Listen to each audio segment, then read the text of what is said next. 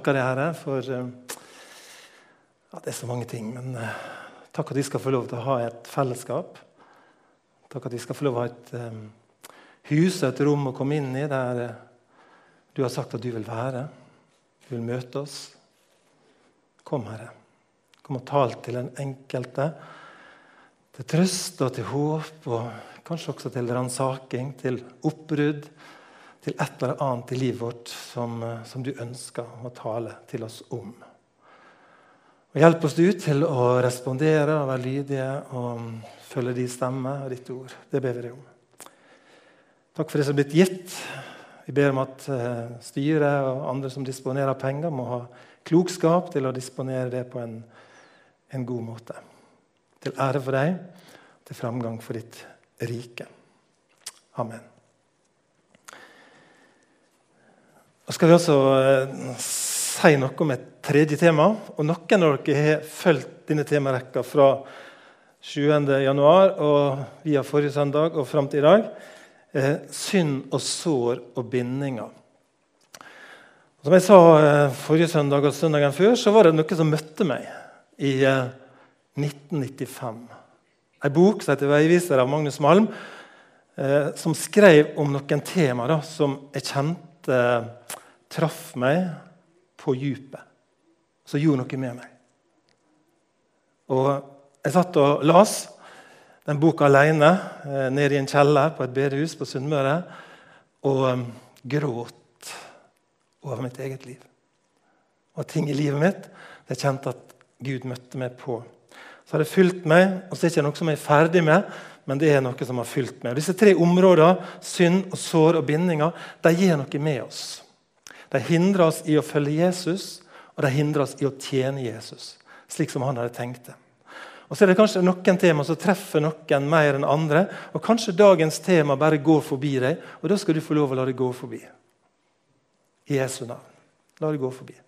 Men kanskje er det noen som på en eller annen måte skal ha det, særlig i sitt liv, og, og, og respondere på det. Det er altså ikke snakk om synd som skal bekjennes i dag. Det er ikke snakk om sår som trenger rensing, som trenger forbinding, som trenger helbreding. Eh, men jeg siterer han følgesvennen vår, Magnus Malm. Her ligger det i stedet usynlige tråder, skriver han, til personer og faktorer som binder meg og hindrer meg i å gjøre det jeg virkelig vil. Akkurat som når det gjelder synd og sår, kan vi kjempe i årevis på egen hånd med disse usynlige båndene uten å komme løs. Bindinga som ligger der. Før jeg beveger meg inn i en konkretisering av litt ulike bindinger med utfordrende fortegn, så har jeg lyst til å si noe om plussida ved bindinger. Skjønner dere? At bindinger det er jo noe fint. I disse tider, da, aktualisert i disse tider, her, sikkert mange av dere som er på ski. Jeg er ikke på ski, jeg har slutta å gå på ski. egentlig, Kan man bekjenne det. Eh, kan hende ikke til glimte til, men, men, i hovedsak ferdig med det. sant? Eh, men bindinger det er noe fint også. Ikke bare noe som er negativt. Det fins gode bindinger. Veldig gode bindinger som vi skal være i på en på en eh, god måte. Så det er noe en aldri skal løses opp. Det skal bare være der. Eh, kanskje noen skal slakkes litt i i livet vårt. Men jeg vil alltid leve i bindinger som jeg ønsker. Bindinger til familie. Jeg vil være i bindinger til ektefelle, til vennskap, til menighet. Og det hjelper oss med bindinger dere, særlig til å, til å følge gode spor. Tok dere den? Vi trenger bindinger og gode spor. Og av alle ting dere, så, så er det et, um, en bok som heter Ruths bok. Da la du merke til det?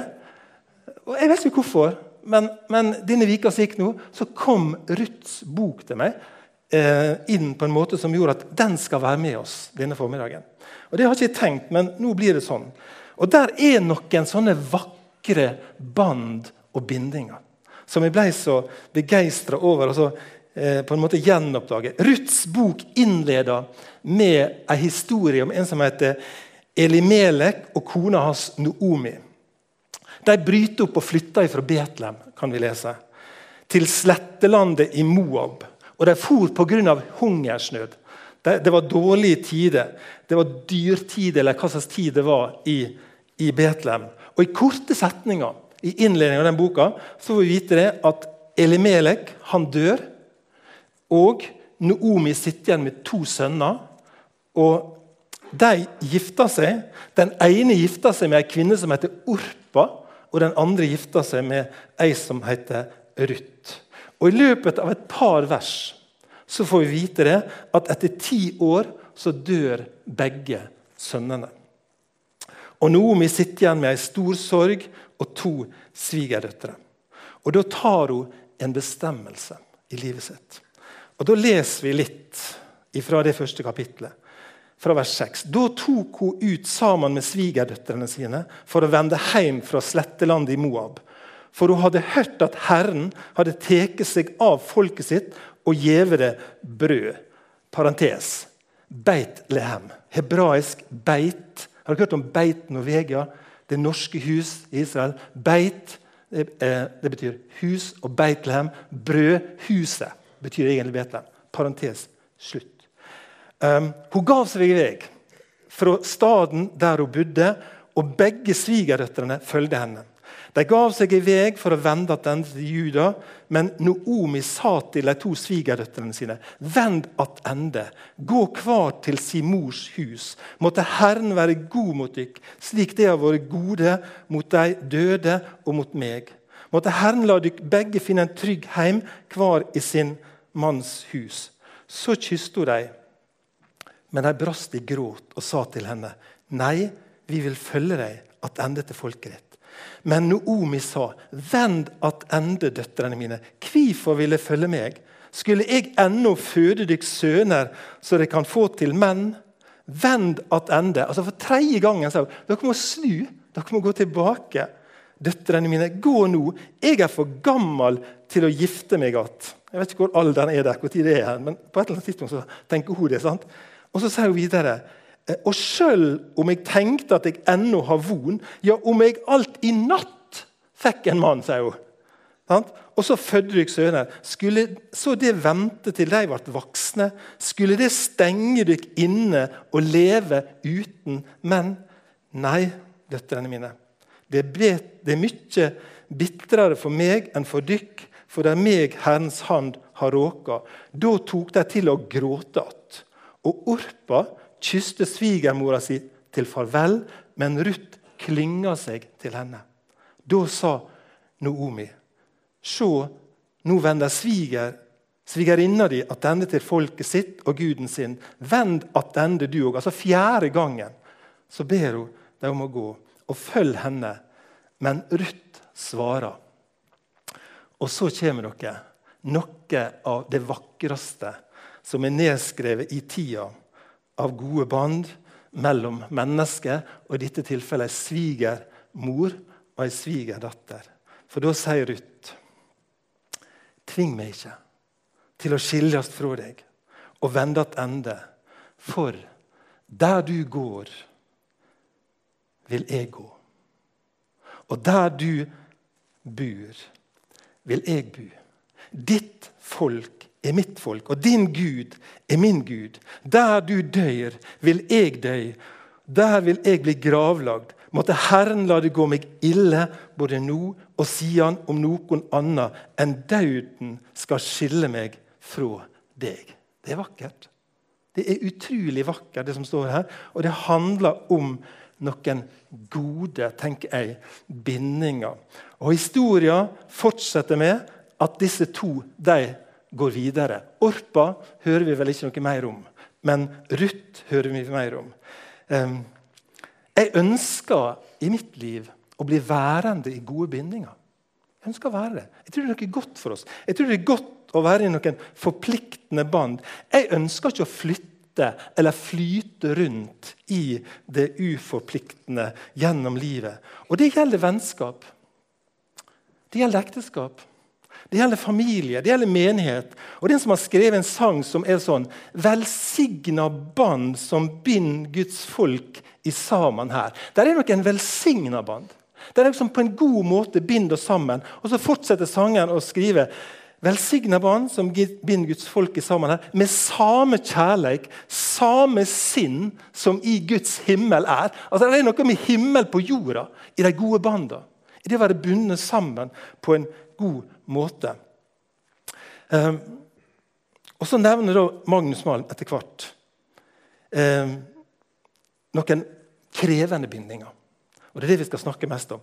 Men bindinger kan og skal være noe godt. Men det gode kan også få et negativt fortegn og få nedbrytende og ødeleggende virkninger på livet vårt. Og Det vil jeg ikke snakke lett om. Og Her sitter erfaringer hundrevis av år med erfaring med ting som kan være utfordrende.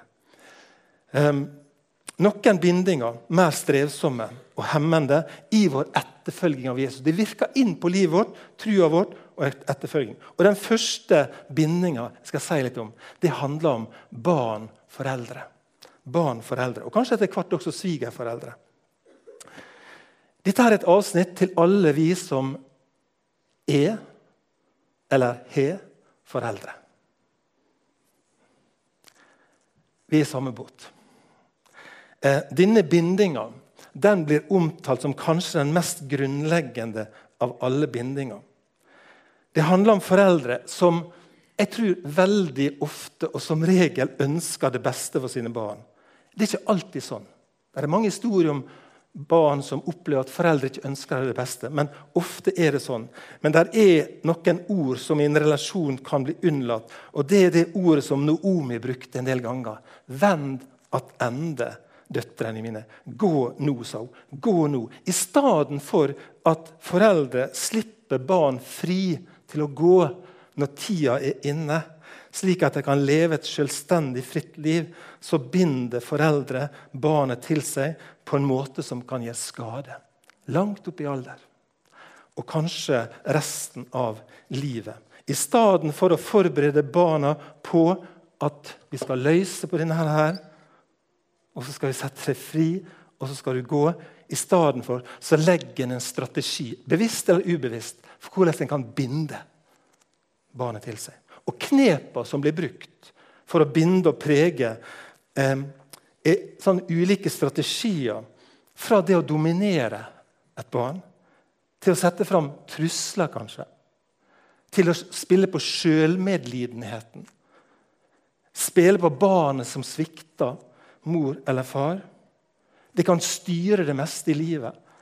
Av utdanning, valg av ektefelle, bosted, Helt ned i detaljer så har jeg en mor eller en far på skuldra som binder meg i valg, i å leve og i å tjene. Og Hvis jeg ikke slipper tak i Noomi, da, eh, når hun ser framover med tanke på de to enkene, så tenker hun at dersom de ikke vender tilbake, vil de bli værende i et Hun brukte ordet 'innestengt liv'. Og det, det jeg bare kjente på. Er ikke det det handler om, kanskje? Dere vil, skal dere leve innestengt borte fra menn? Det er et eksempel. da.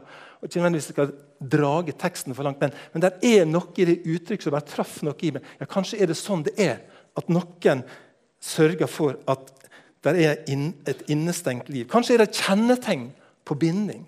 At jeg kjenner meg litt innestengt. Jeg kjenner meg litt låst. Og det her jeg syns Noomi trakk opp en så vakker og klok vei. Hun fristiller deg. Hun fristiller deg Én, to, tre, fire ganger. På en overbevisende måte så setter hun dem fri til å gå tilbake. Hun kunne holdt dem hos seg, eh, kanskje med et løfte om binding, kanskje med et løfte om at hun skal gi dem en ny mann, men dere må bare vente. Sant? Hun kunne vært følelsesstyrt. Tenkt på sitt eget liv. Hun kunne tenkt på sine egne behov, men hun klarer altså å se forbi det som hun måtte bære på av sjølmedlidenhet. Og én ting er sikkert, dere. La oss slå det fast. Svigermødre de er bedre enn sitt rykte. Kan ha litt sånn frynsete rykte. sant? Det er kanskje noen av dem også. Men for ei svigermor! dere. For ei nydelig svigermor. Det er ikke alltid det er sånn Eh, eh, og kanskje du kan tenke oi, en sånn svigermor ville jeg hatt. sant? Men så kan du snu på det og tenke en sånn svigermor vil jeg være. En sånn mamma vil jeg være. En sånn svigerfar vil jeg være. En sånn pappa vil jeg være. Du, Det var et innestengt liv Åshild så for seg det ville bli. Jeg kaller henne Åshild. Hun heter noe annet. Men hun dukka opp i tanken min en av dagene denne uka her. Eh, hun vokste opp inn på en liten gard med mor, far og en søster som var psykisk utviklingshemma. Og Planen til mor og far var at Åshild skulle ta over gården. Og ikke bare gården, men Åshild skulle ta over eh, omsorgen for søstera. Men det kjente Åshild at det klarte ikke hun. Selv om foreldra sin plan var det, å la sterke bindinger og føringer til. For Åshild hun ønska å bli sykepleier. Hun ønska å utøve yrket sitt en annen plass. Hun ønska å bygge sin egen lille gard og stifte sin egen lille familie. Men mor og far bandt henne på en sånn måte at det var nesten uutholdelig. Innestengt. Sånn kan det være. En annen binding som kan ha negativt fortegn i livet vårt, det er det som har med kirke, og menighet og organisasjon å gjøre. Og igjen, la meg si Det det er positive ting i det, men nå snakker vi om det som kan være utfordrende og kan være krevende. Eh, Magnus Malm sier følgende Én ting er å ha en bakgrunn og en sammenheng der man føler seg hjemme og kan tjene med øynene åpne for både mangler og rikdom. Og ja, det er sånn det er. IMF Straume mangler og rikdom. Ja. Gå til hva menighet du vil. Mangler og rikdom. Samme hvor du går, tror jeg det vil være sånn. Og Én ting er å være der og ha åpne øyne for Ja, sånn er det. Det er, ikke, det er ikke grønnere her eller der nødvendigvis. Og Så sier han videre men det er noe ganske annet å la denne sammenhengen få et slags eiendomsforhold til min personlighet og min tjeneste. Det er noe annet. Når jeg kjenner at det er noe usunt i det.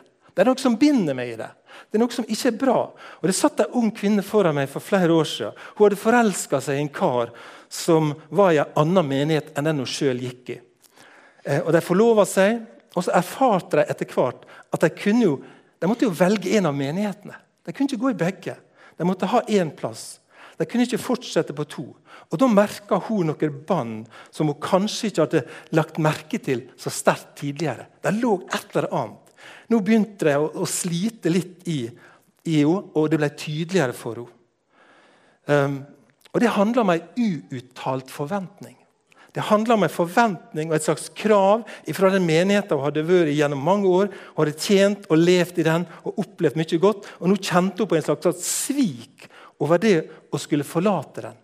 Hun kjente på at hun i en slags takknemlighet burde bli værende i det fellesskapet fordi det hadde gitt henne så mye godt. Og at det lå en forventning i det fellesskapet om at hun skulle være der. Skjønner dere? At jeg, at jeg kan kjenne på det. Og familier på kryss og tvers. Og, ja. En ung far satt og gråt foran meg en gang. Fordi pappaen og mammaen var så tydelige på at forlate, din familie kan ikke forlate dette fellesskapet. her. Det er jo generasjoner. Din bestefar gikk jo her. var med og bygde opp ting her. Vi er her. Søsknene dine her. Du kan ikke gå. sitter han og gråter fordi han kjenner på at han er bunden. Ikke fri til å gå. Um, og Denne dama som jeg snakket med, denne jenta, da, vi snakka litt i lag, lytta, og så ba jeg, og så sa jeg følgende til henne. Og det har jeg lært av Magnus Malm. Tror jeg. Ikke helt sikker. Ikke valg, men iallfall lært av noen. Så sa jeg til henne vet du hva du skal gjøre nå? Nå skal du gå hjem på hybelen din og så skal du tenne lys for alle de gode tinga som du har opplevd i dette fellesskapet. Tenn lys for alt det gode. Og så skal du ta med deg lysa og bære med deg det gode videre inn i en annen sammenheng. Og så sa jeg, som jeg tror Magnus har lært meg, da, du er fri til å gå og du er fri til å være. I Jesu navn. Du kan gå. Jeg ønsker ikke å holde noen mot sin vilje i et fellesskap. Du er fri til å gå, og du er fri til å være. Eh, det ba jeg om. Og Da sier Paulus i 2. Korinterbrev 1,24.: For vi vil ikke være herre over trua deres. Vi vil ikke være herre over trua deres, men medarbeidere så de kan finne glede. Og Med det så tror jeg apostelen sier det. Jo, det er en fare for at noen kan bli herre over mitt tru. Og herre over mitt liv og min tjeneste. Både som menneske og som eh, menighet. Det er fint og godt å ha en heim. Det er jo fantastisk å ha en heim, Men det er ikke rett at en menighet eller en organisasjon skal eie meg på en usunn måte. Så kan det hende Kenneth begynner å skrive oppsigelsesbrev. Jeg sier på han fyren der, kan ikke mene noe sånt. Jo, det mener jeg. Det mener jeg. Selvfølgelig må det være sånn. Og skal ikke kommentere den pågående rettssaka som er nå rundt Jehovas vitner. Men det er klart det er sterke ting der. At medlemmer har opplevd noen sterke ting som ikke er bra. Så skal jeg ikke på en måte si så mye mer om det. Men hva var det Noomi sa?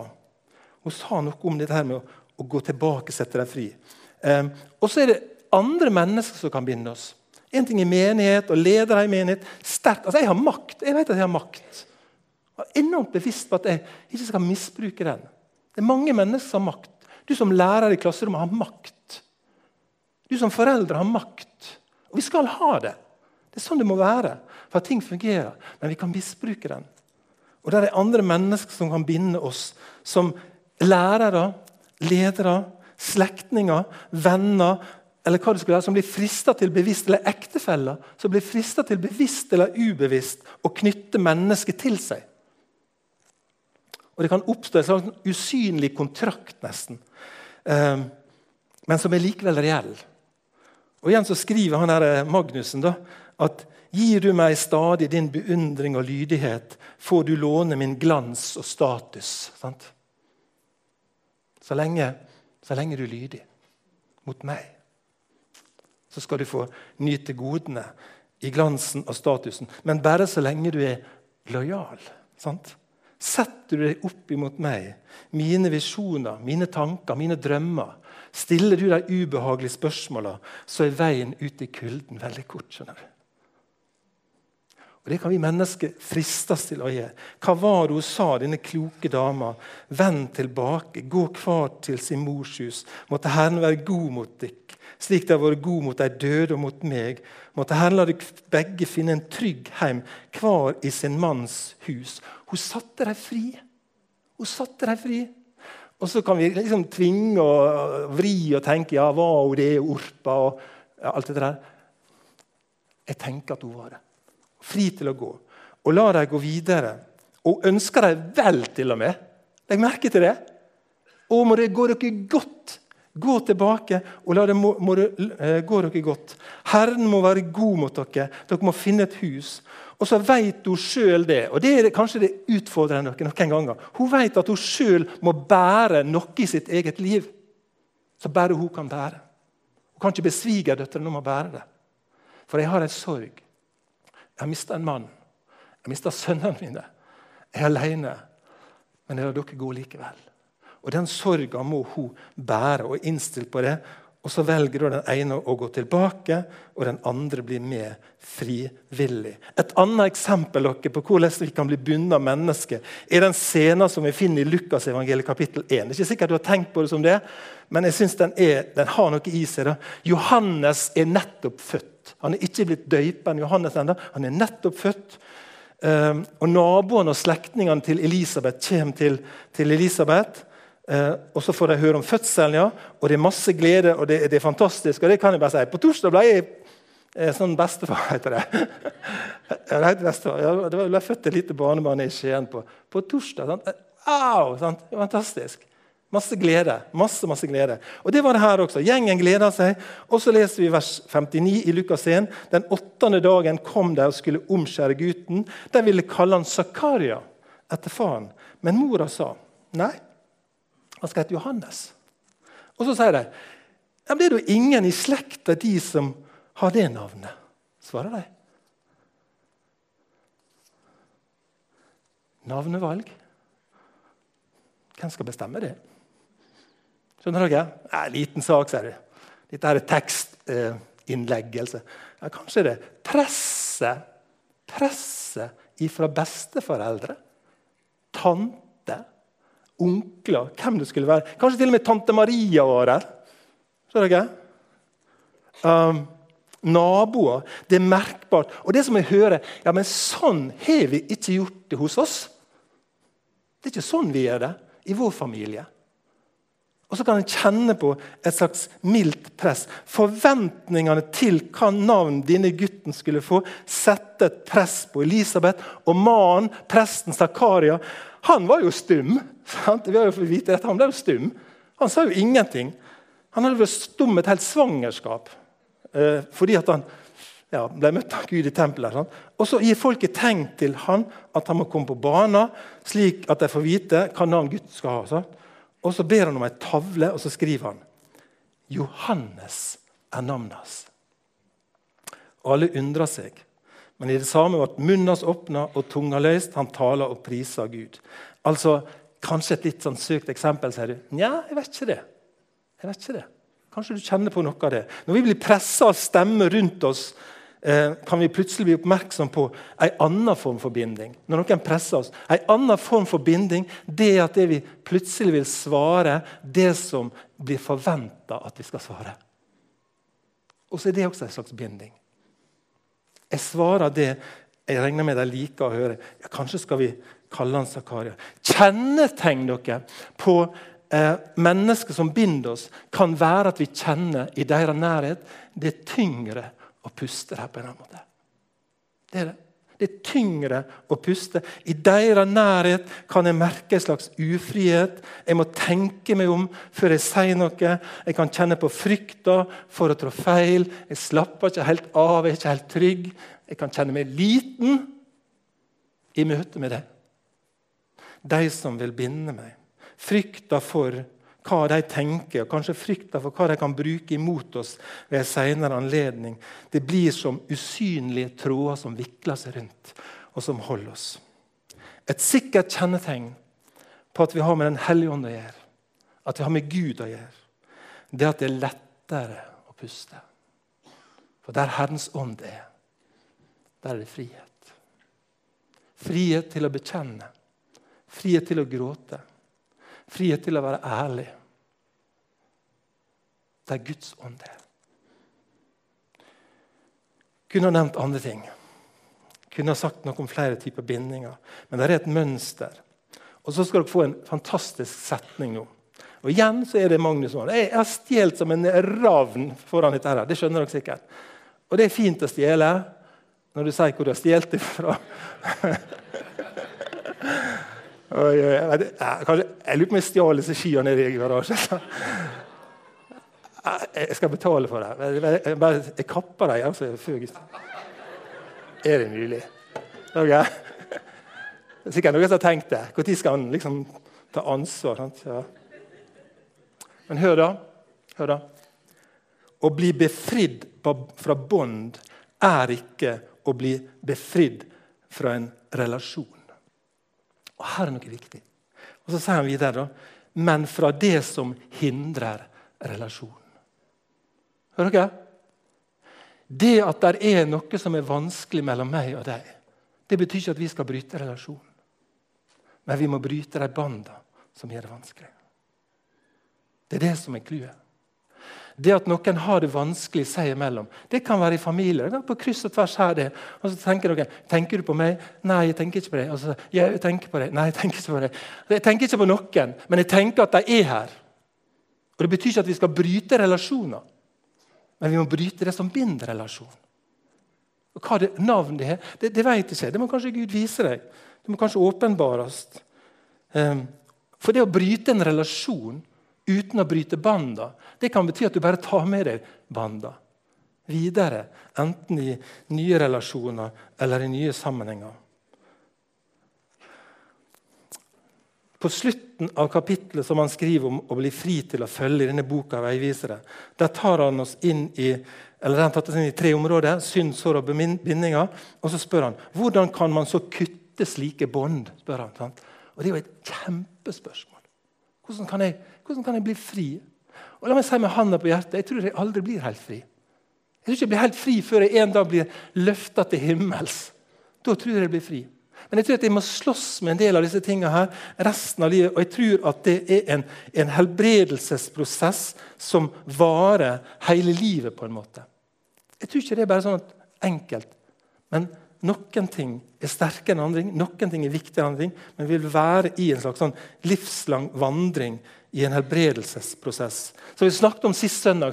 Altså, hvor, hvor, lenge lå denne her, eh, eh, som falt i hendene på røver, hvor lenge lå han på esel? Hvor langt var det fra bakkene i Jerusalem og til dette herberget? Hvor lang tid tok det? Hvor lenge var han på herberget? Hvor lang tid tar det å helbrede sår? Hvor lang tid tar det å, bryte?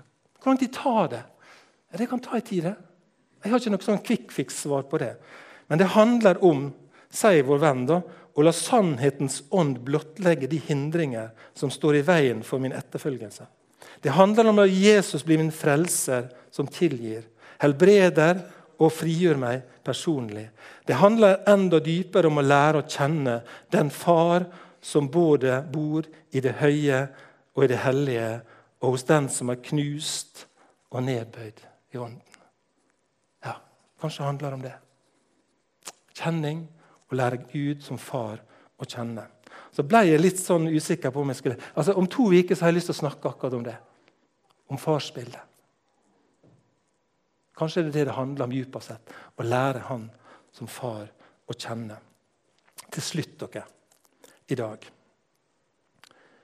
Der er en melding i Ruths bok som jeg, jeg burde sikkert ha knadd litt mer i. da. Men, men, men når Ruth kommer til Betlehem, så treffer hun etter hvert på en, en kar som heter Boas. Noen av dere kjenner sikkert til det, og mest sannsynlig bedre enn meg. Men han Boas han ble en forløser i Ruth sitt liv. Han ble mannen hennes til hvert, men han ble en forløser. Eh, og Det var noen landområder der i Betlehem som tilhørte Noomi og Elimelek. Og så var det spørsmål hvem skal løse ut disse landområdene. Og Da var det at Boas kommer på banen og løser ut. Fordi den som skulle løse ut eh, for dem, han måtte være i slekt med dem. Og det var eh, Boas var i slekt med Elimelek. Han var ikke nærmeste slektningen. Det var noen andre som var nærmere, men de kunne ikke løse det ut. Eh, han måtte være i stand til å løse ut denne her eiendommen og betale summen.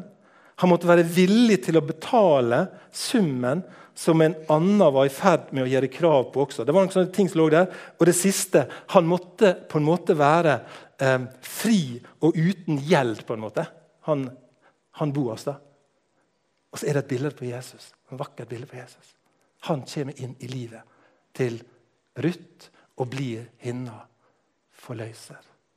Fri for alle synder, alle sår, alle bånd. Så kan han sette oss i frihet. Siste ord blir i dag Kom, sa Jesus. Kom i ditt liv. Kom i dine sår, i synd, dine bindinger. Så jeg har lyst til å møte deg. Herre, du som kjenner oss på dypet og der vi er. Ehm, jeg har bare lyst til å be om at du skal fortsette å tale til oss. Det ligger ting i livet vårt som du peker på, som du, Hellige Ånd, sannhetens ånd, lyse inn og opp i våre liv, at vi kan få lov til å slippe det, gå videre. Og hjelp oss her til å være et fellesskap der vi er med og setter hverandre i frihet. Ikke vi binder hverandre. Og at vi kan eh, være ærlige med det, Herre. Eh, og være sunne i forhold til sånne ting. Det ber jeg deg om. Mest av alt, Jesus, takk at du kom på banen som den store forløseren, som løser oss ut fra alt det som binder oss. Til ære for deg, Jesus. Til framgang for ditt rike. Og hele folket, de sa amen.